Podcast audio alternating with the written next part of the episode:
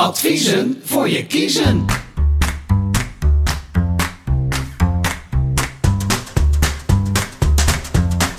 Lukt het? Je muziekje is al voorbij. Welkom bij Adviezen voor je kiezen. Nou, dat wordt wel heel bedig, maar dat geeft niks. Een podcast met antwoorden op vragen die je anders nooit gesteld zou hebben. Dat klopt. Ja, dit zijn veelal vragen op het gebied van werk, gezondheid en functioneren.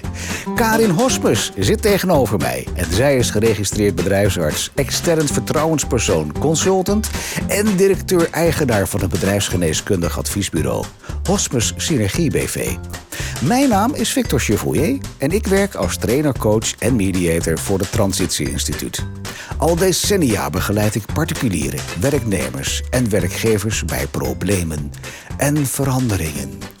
Alsof ik dit al vaker gedaan heb. Jo. In deze podcast gaan wij het hebben. eh, mag ik hem voorlezen waar we het over nou, gaan hebben? Ik zit er klaar voor. Kom maar. Dr. Karin. Ja, ik ben coach Victor, dat is Dr. Karin.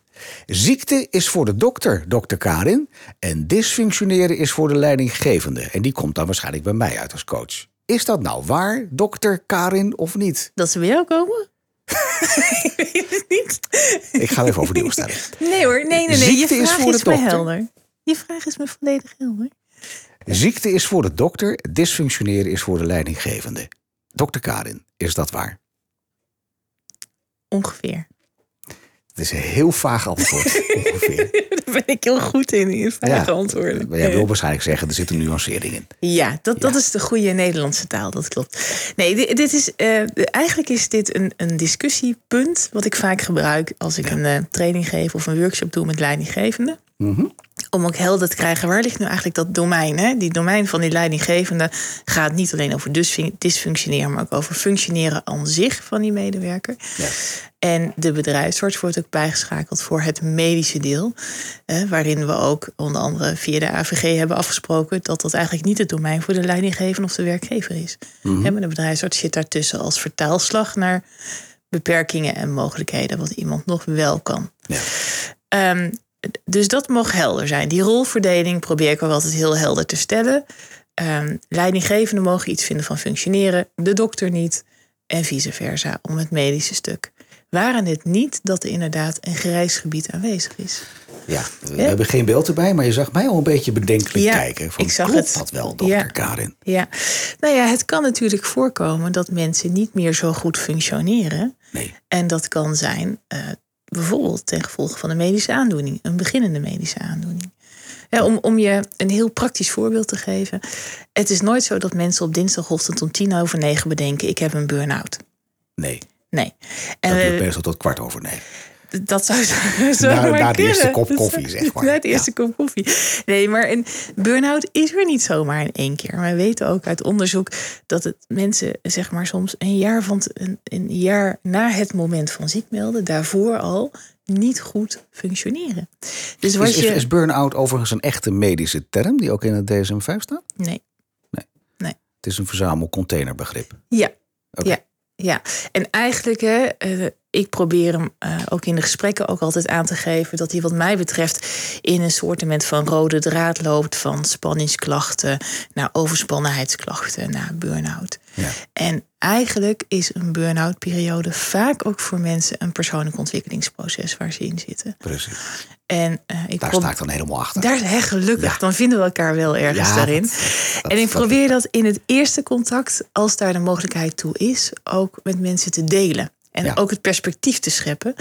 eh, nou ja, dat daar Maar volgens dan- mij meer achter zit. Dat betekent als je dan burn-out klachten hebt, dat je daarmee ook per definitie niet meer goed functioneert. Ja, dat is grappig. Omdat een Oh, heel. er was, nee, nee. grappig het grappige was, dus dat, en dat was recent nog in de media, Ja. dat een heel groot deel van de Nederlandse bevolking, beroepsbevolking, Ja. wel klachten van burn-out ervaart, maar wel Ja. gewoon werkzaam is.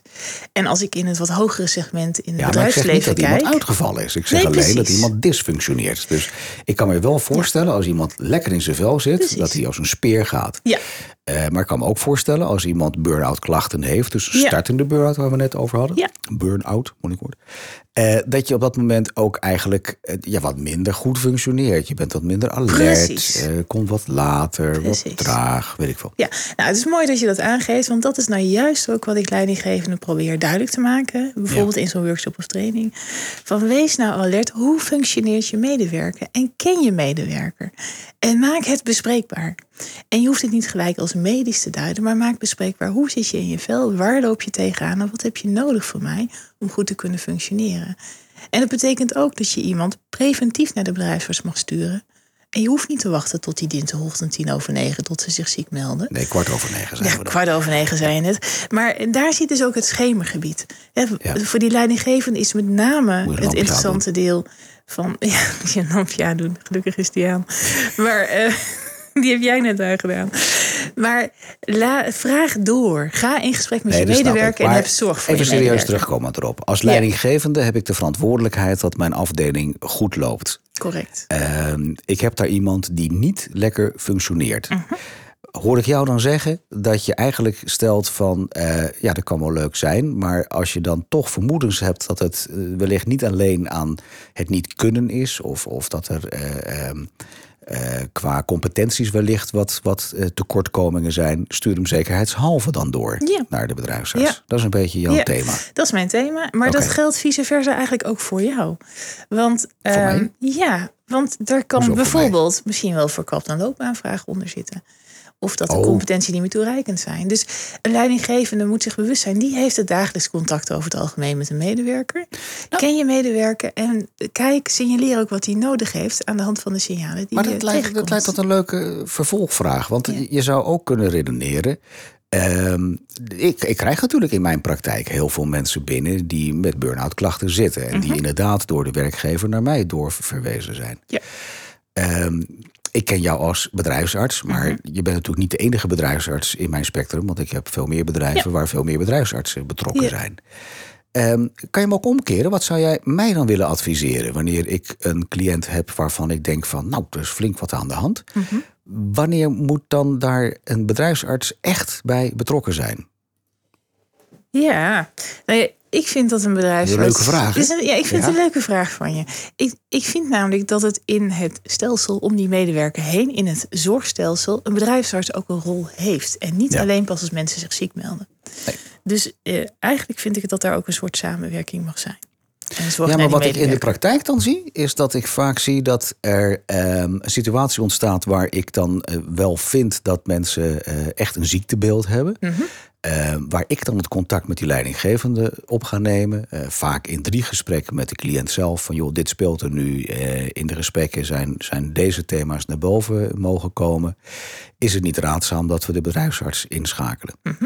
Maar dan wordt hij toch een beetje als controlerend ingezet.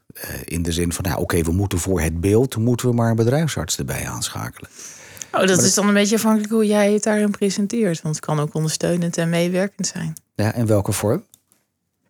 Zij ze met een Met smile. een smile.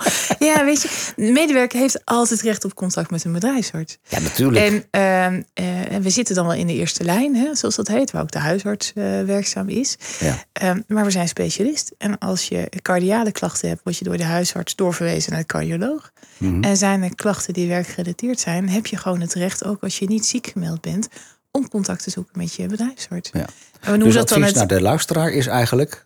Ja, Ja, nou, roep maar. Wat nou is ja, je hebt dus het recht op een arbeidsomstandigheden spreekuur. Dat is in de Arbeidswet ook zo vastgelegd. Dat Let is op, luisteraars. Je hebt altijd recht. Ja, altijd recht om contact te zoeken met je bedrijfsarts. En dat is anoniem en wordt ook anoniem gefactureerd naar je werkgever.